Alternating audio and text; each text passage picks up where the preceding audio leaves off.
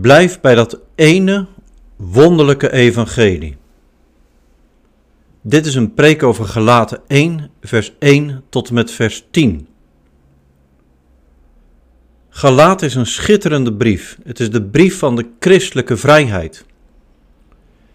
En die vrijheid die je in Jezus krijgt, die wordt aangevochten. En dat gebeurt ook in de kerken van Galatië. Omdat ik begin aan een serie preken over de brief aan de Galaten, is het eerst belangrijk om goed zicht te krijgen op wat gebeurt er nou precies. Ik doe dat in deze preek. Preek over hoofdstuk 1, vers 1 tot en met vers 10. En uh, wil je meer weten, kijk dan op mijn blog onderaan deze preektekst, daar geef ik meer toelichting. Ik lees eerst, daarna volgt de preek. Van Paulus, een apostel die niet is aangesteld of gezonden door mensen, maar door Jezus Christus en God de Vader, die hem uit de dood heeft opgewekt. En van alle broeders en zusters die bij mij zijn, aan de gemeente in Galatië. Genade zij u en vrede van God, onze Vader, en van de Heer, Jezus Christus, die zichzelf gegeven heeft voor onze zonden, om ons te bevrijden uit deze door het kwaad beheerste wereld, overeenkomstig de wil van onze God en Vader. Hem komt de eer toe tot in alle eeuwigheid. Amen. Het verbaast me dat u zich zo snel hebt afgewend van Hem die u door de genade van Christus heeft geroepen. En dat u zich tot een ander evangelie hebt bekeerd. Er is geen ander evangelie. Er zijn alleen maar mensen die u in verwarring brengen en het evangelie van Christus willen verdraaien. Wanneer iemand, al was ik het zelf, of al was het een engel uit de hemel, u een evangelie verkondigt dat in strijd is met wat ik u eerder heb verkondigd, vervloekt is hij. Ik heb het al eerder gezegd en zeg het nu opnieuw. Wanneer iemand u een evangelie verkondigt dat in strijd is met wat u hebt ontvangen, vervloekt is hij. Probeer ik nu mensen te overtuigen of God? Probeer ik soms mensen te behagen? Als ik dat nog altijd zou doen, zou ik geen dienaar van Christus zijn. Tot zover het woord van God. Gemeente van de Heer, beste luisteraar. Wij Nederlanders zijn best direct en daar zijn we trots op. Ik zeg wat ik denk en doe wat ik zeg, was de slogan van Pim Fortuyn. Maar kom je in het buitenland, dan denken ze er anders over. Buitenlanders die vinden ons nogal lomp of arrogant. Jullie met je grote mond, wees eens wat diplomatieker. Met onze directheid en soms ronduit ondiplomatieke uitingen zouden wij ons goed moeten kunnen herkennen in Paulus' brief aan de Galaten. Mogelijk hebben we in deze brief met een van de eerste brieven van deze apostel te maken. In tegenstelling tot zijn andere brieven, lees bijvoorbeeld Filippenzen, valt Paulus meteen met de deur in huis, vers 6. Deze brief lijkt in de hitte van de strijd geschreven. Paulus is geschokt, vers 6. De gelovigen keren zich af van Gods evangelie. In hoofdstuk 3 kan hij zich niet inhouden. Hij scheldt de gemeente uit, dwaze gelaten. Stel voor dat iemand zoiets tegen jou zegt, zou je dat pikken? En tegen de gelovigen die de gelaten op een dwaalspoor brengen, is hij ronduit sarcastisch. Willen zij dat de gelovige gelaten zich laten besnijden? Laten zij zichzelf er maar castreren. Hoofdstuk 5, vers 12. Nog een voorbeeld. Wie het durft een ander evangelie te vertellen, vers 8, vers 9, die is vervloekt. Het gaat er fel aan toe in deze brief. Staat dit allemaal in de Bijbel? Ja. Ezekiel, die kon wat van in het Oude Testament en Paulus ook. Vandaag heb je wel eens cursussen, geweldloos communiceren. Prachtig. Ik denk niet dat Paulus zich daarvoor had opgegeven. Jezus trouwens ook niet. En nu kun je je door dit alles laten afschrikken, maar dat zou echt zonde zijn. Denk even aan het volgende. Jij hebt vast ook wel eens een keer gehad een moment waarop jij zegt waar het op staat. Als je in een conflict zit of een vergadering hebt die maar niet wil vlot. Op een gegeven moment zeg je, misschien met stemverheffing, misschien zelfs sla met je vuist. Het gaat mij erom dat. Nou, zo'n uitbarsting kan juist helpen. Verder helpen, als het je daarom gaat. Nou, zo kun je zeggen, zo is het ook bij die brief aan de gelaten. Het gaat echt ergens om. Je moet wel goed luisteren.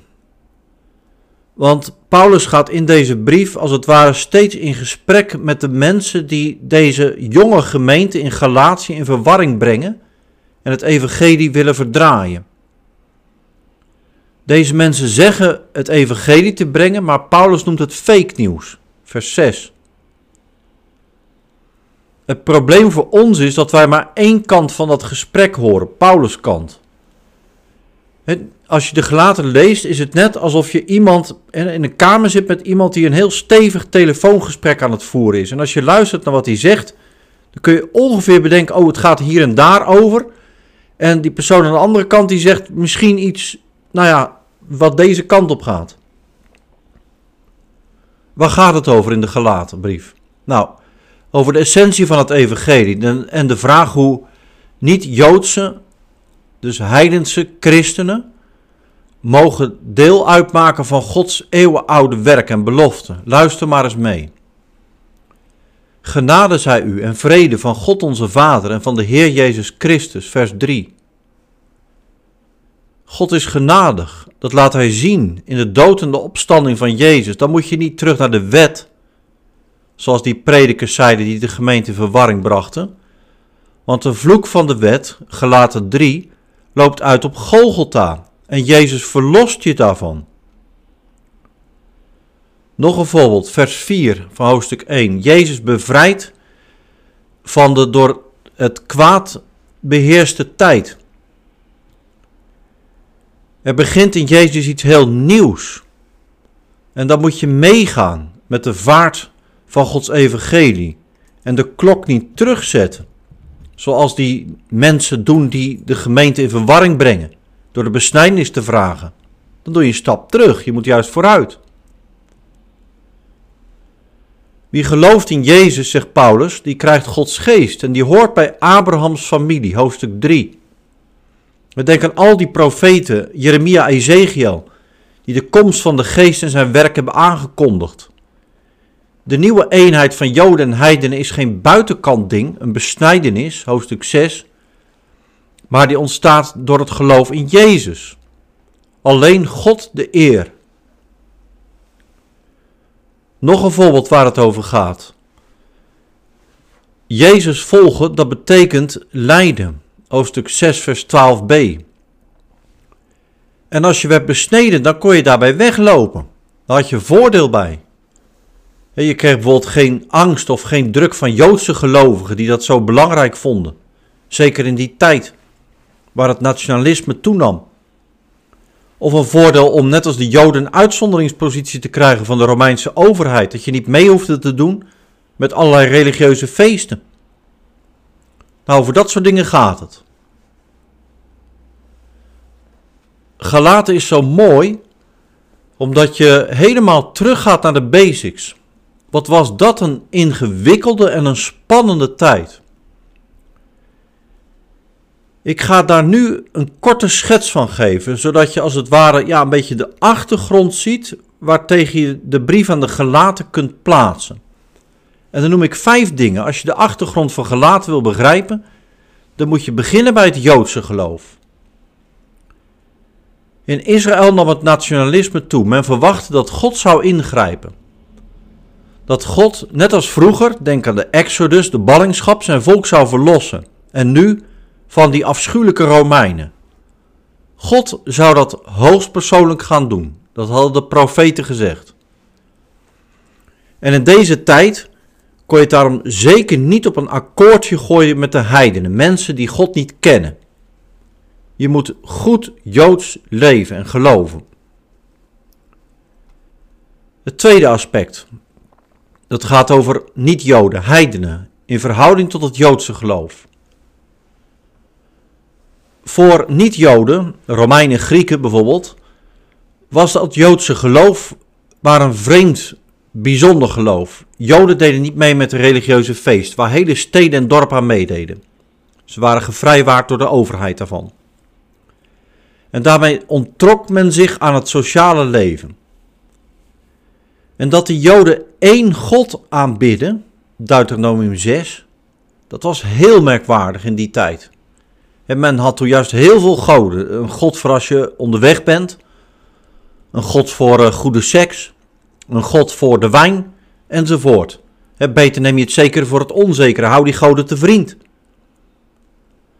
Aan de andere kant, dat moet je er ook bij zeggen, dat Joodse geloof had ook aantrekkingskracht. Het was een eeuwenoude, respectabele en ook jaloersmakende traditie. En vooral, dat viel echt op in een tijd waarin alles kon en mocht.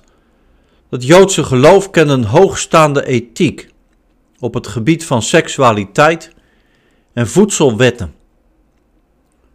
Als je daar eens wat over nadacht, als je je zoveelste kater had na een feest vol uitspattingen, seks, drank en drugs, ja, dan moest je wel toegeven dat Joodse geloof, er zit toch veel moois aan. Maar ja, dan die besnijdenis, dat lijkt niet echt prettig. Nou, de derde achtergrond om gelaten te begrijpen. De eerste dus het Joodse geloof, het tweede de heidenen, de niet-Joden en hun relatie tot het Joodse geloof. De derde achtergrond is de Jezus-gelovers, of de mensen van de weg, zoals Handelingen ze noemt. In die tijd komt er ineens een secte op de markt van zoveel oude en bestaande religies. Die secte heet de Weg, zo heet het in Handelingen. En de mensen van die secte die zeggen er is een andere Heer dan de Heer, de keizer. En in een tijd waarin politiek en religie nauw verweven zijn, is dat een gevaarlijke uitspraak. Zeggen dat je een andere Heer hebt. Je weet wat de Romeinen kunnen doen met mensen die het gezag ondermijnen. Als Romeinen echt willen laten zien wie de baas is, zij, en de rest slaaf, ja, dan kruisigen ze iemand. Het kruis laat de totale overheersing van de Romeinen zien. Machteloos is een gekruisigde. En daarover gesproken, die nieuwe secte, de weg, die zegt dat die Heer van hen gekruisigd is. Nou, je kunt je voorstellen, in de ogen van die tijd, gekker moet het niet worden. Wie gekruisigd is, is in religieus opzicht voor Joodse gelovigen ook nog eens vervloekt door God. Moet je gelaten drie maar eens lezen. En hoe krijgt die secte van de weg het dan voor elkaar om dat te geloven?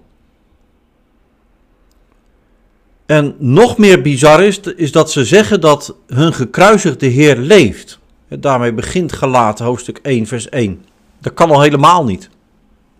Lees het ongeloof van de Grieken in Handelingen 17. Paulus op de Areopagus. En nou schijnt het dat er een Joodse schriftgeleerde is, een Saulus van Tarsus, die het licht heeft gezien. En die Saulus die zegt, die weg, dat is helemaal geen secte. Hij zegt, God is inderdaad gekomen. De Joden hebben gelijk met hun geloof. God heeft een nieuwe exodus gegeven. Saulus zegt, die exodus heeft plaatsgevonden toen Jezus is gekruisigd. Hij is de zoon van God, hij is de lang verwachte Messias. Zo bevrijdt God van zonde en dood. En zo heeft God op een totaal onverwachte manier zijn aloude belofte waargemaakt. Saulus zegt zelfs dat het kruis van die Heer een symbool van kracht is. Galaten 5, vers 11. Dat er door de gekruisigde een nieuwe tijd begint. Een nieuwe schepping. Galaten 6, vers 15. Die Saulus zegt echt bijzondere dingen. Hij heeft het aan de ene kant over de vrijheid van het geloof, Galaten 5, en tegelijk noemt hij zich gerust een slaaf van Jezus, Galaten 1, vers 10. Hoe bijzonder is dit?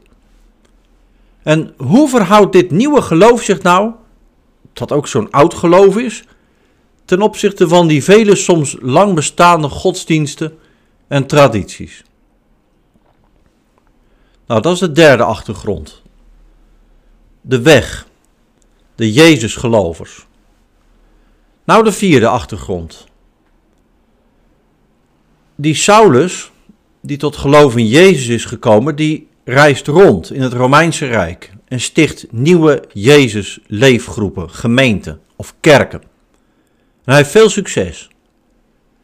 Hij komt overtuigd en overtuigend over en doet veel wonderen. Lees Handelingen 13 en 14.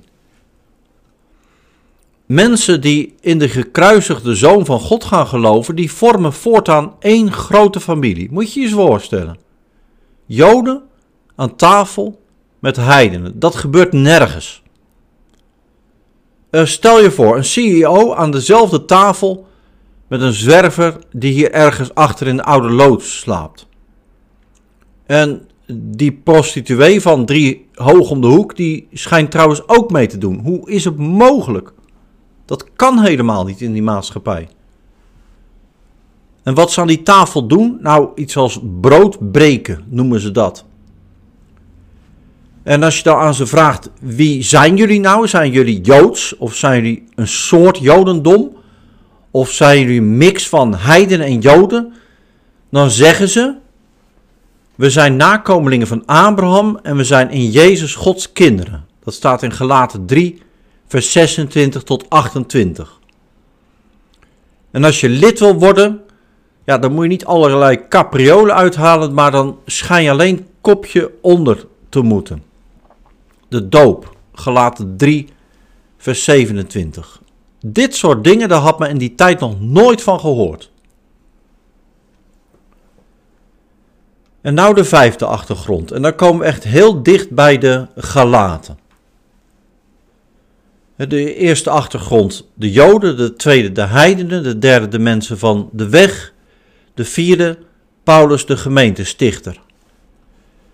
Recent zijn er mensen gekomen, gelaten 1 vers 7, die Paulus werk willen corrigeren. Zij geloven ook in Jezus. Maar zij denken dat Paulus met zijn verkondiging uit de bocht vliegt. Paulus is volgens hen veel te veel een Jesus-freak, zouden wij zeggen.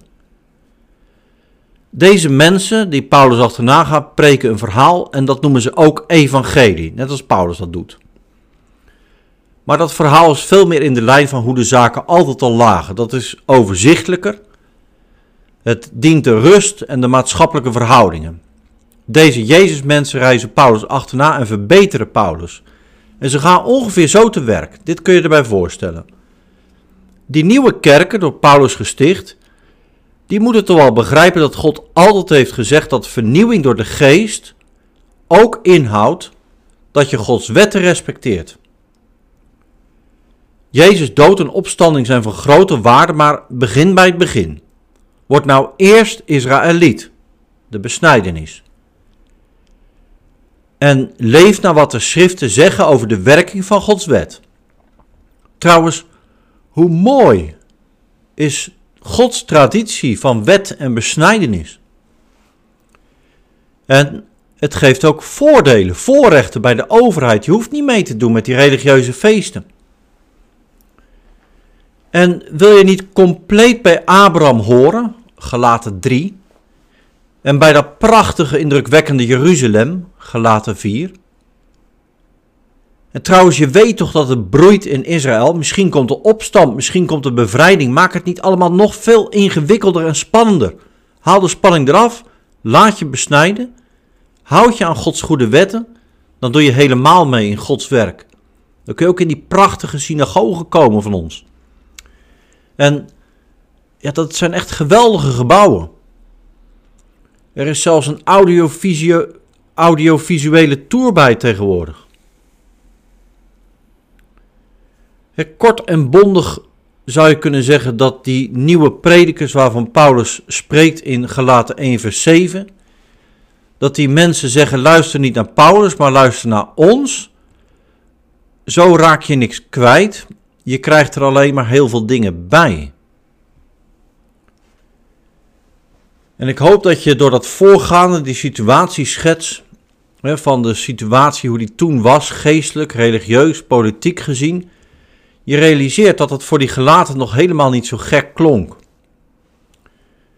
En ja, wat wij zouden doen vandaag de dag is dat we zeggen, nou, we, we appen Paulus even of we doen even een Zoom-vergadering en dan vragen we even wat hij van deze versie van het geloof vindt. Maar ja, dat ging in die tijd niet. Dus ze zijn misschien vrij snel overstag gegaan.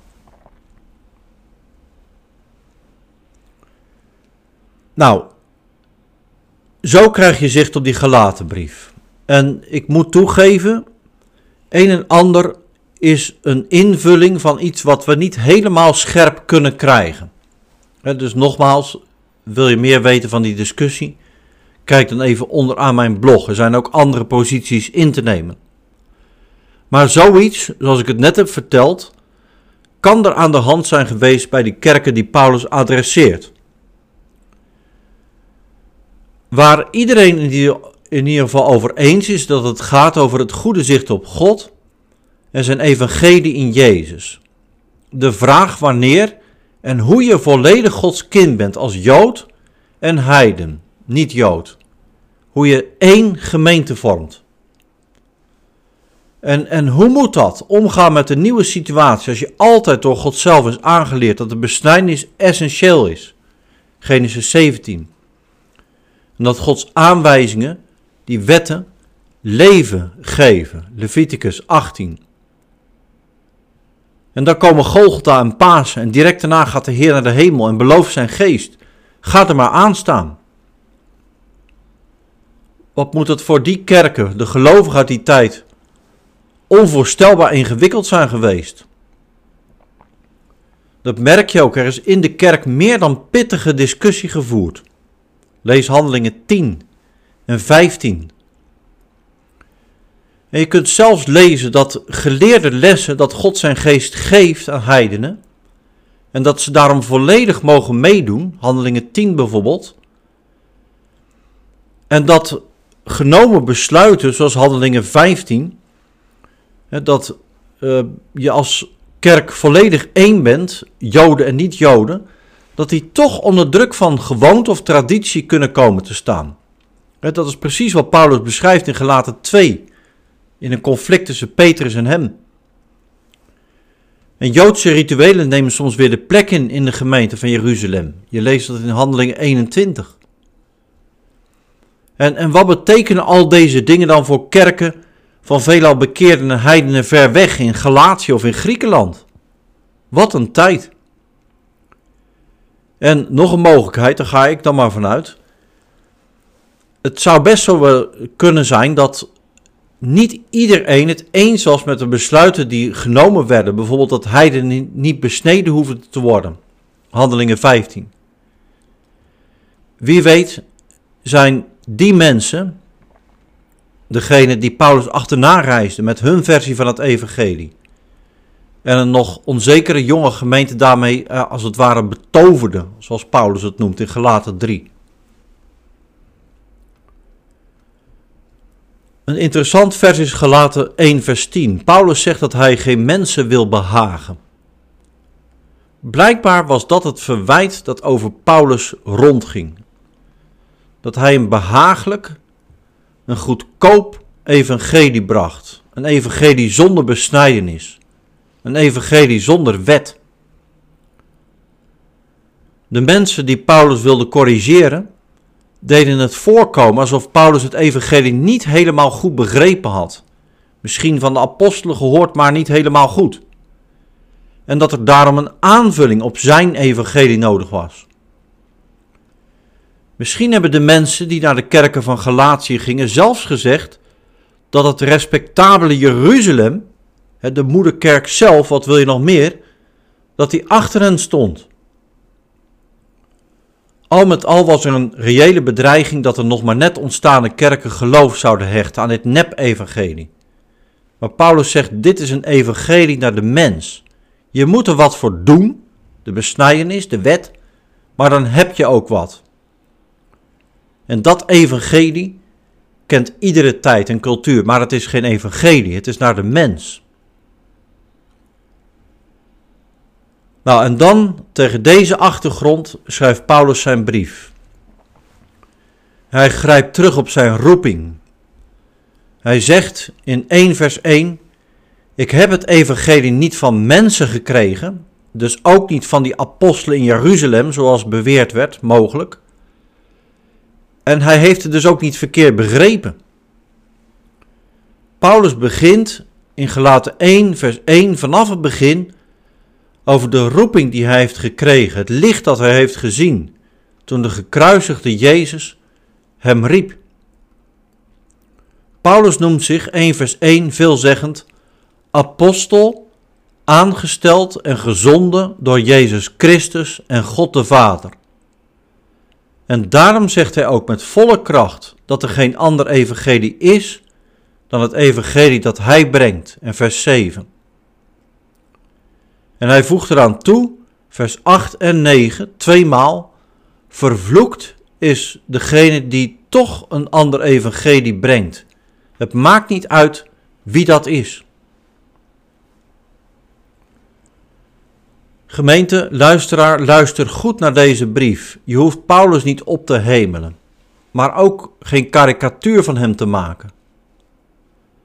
Je zou kunnen zeggen, wat een felle gast die Paulus.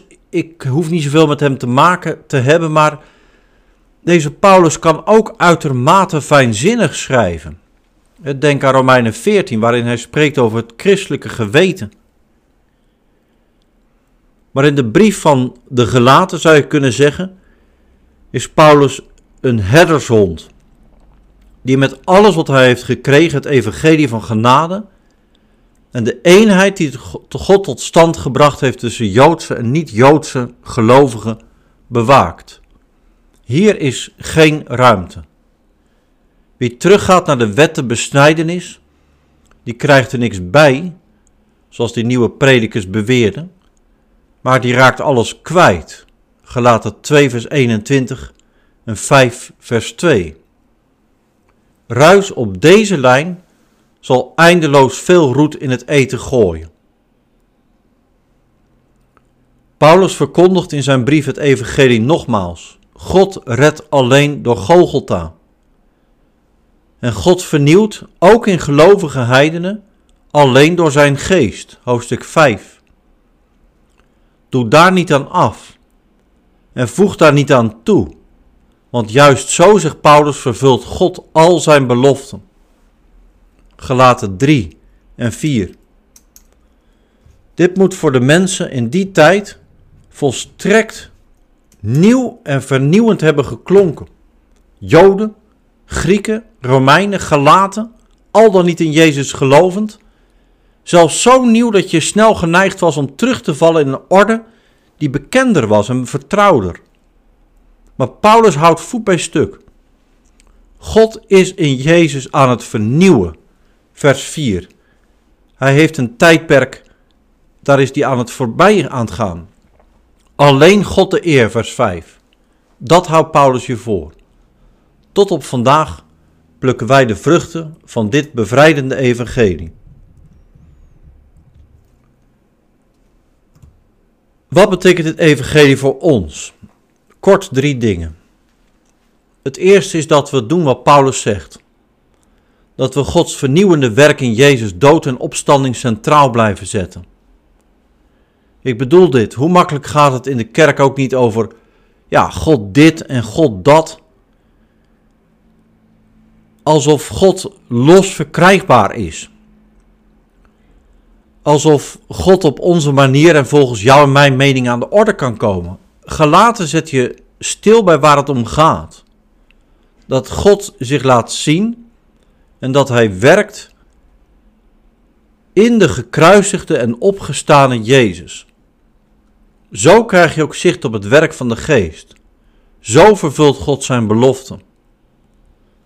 Je hoort in gelaten het kakelverse van het evangelie. Het evangelie dat geen mens zou kunnen bedenken. Blijf uit dat nieuwe en vernieuwende evangelie leven. De tweede betekenis, die ligt denk ik in dat andere evangelie, dat Paulus geen evangelie noemt. En dat levert denk ik wel een spannende vraag op. Ken jij ook een ander evangelie? Iets dat erop lijkt, maar dat het niet is. Het is fake. En daarvoor zul je wel even goed moeten kijken, want het, het concrete dilemma van gelaten, ja, dat is voor ons ver weg. Er zal geen christen op jou afstappen met een mes in zijn hand en die zegt: uh, Ben jij besneden of niet? En uh, daar moet even wat aan gebeuren. Nee. Maar wat is er in onze tijd, dat is de vraag, wat is er in onze tijd zo aantrekkelijk dat je zegt: Ja, dat kan er toch ook prima bij, bij het Evangelie? Over die vraag moet je eens nadenken. En ik denk dan in de richting van iets dat in onze cultuur heel erg belangrijk is. Iets dat domineert, heer is. Dat voor ons, voor jou en mij zo vanzelfsprekend is dat je daarin ongeveer ongemerkt in meegaat. In onze cultuur waar het ik centraal staat, zou je daar kunnen zoeken. En soms hoort in de kerk, hoe kan ik God bij mijn leven betrekken? Alsof het om jouw leven gaat, waar God bij komt. Dan heb je het over geloof en God. Maar het is een ander evangelie dan het evangelie dat Jezus aan Paulus heeft geopenbaard. Of nog een voorbeeld, denk aan de gewenning om, net zoals zoveel mensen om je heen, te leven zonder God. Dat God of zijn gemeente een marginale plek in jouw leven inneemt. En dan hoor je vaak dat het geweten gesust wordt met de opmerking: Nou ja, weet je, op zich geloof ik wel in God, in zijn bestaan of iets dergelijks. Dat zal zo zijn. Maar het is niet het evangelie dat Jezus aan Paulus heeft geopenbaard. In dat evangelie laat je je leiden door de geest van God. Gelaten 5. Nog een betekenis. Ik denk dat je kunt denken aan het woord verwarring, waar Paulus over spreekt in vers 7. Die verwarring is je denk ik niet vreemd. In onze tijd verandert er veel. En daar gaat het heel vaak over in de gemeente van Jezus. Op gemeentevergaderingen, in een kring, of als je met elkaar thuis spreekt. En nu kun je de veranderingen van onze tijd niet direct gelijkstellen aan wat er in gelaten en die tijd gebeurde. Maar ik denk wel dat de gelaten brief ons op de juiste koers kan houden. De blikrichting daarvan is Gods trouw, de vervulling van zijn belofte in Jezus. En dat je je zo als zijn gemeente laat leiden door de geest. Volg dat spoor. Ik rond de preek af. De felle brief van de gelaten zet je in het felle licht dat Paulus heeft gezien op de weg naar Damascus. Dat licht is gaan schijnen. Zet je leven in dat licht, leef met Jezus en wees zo tot een zegen voor de ander. Amen.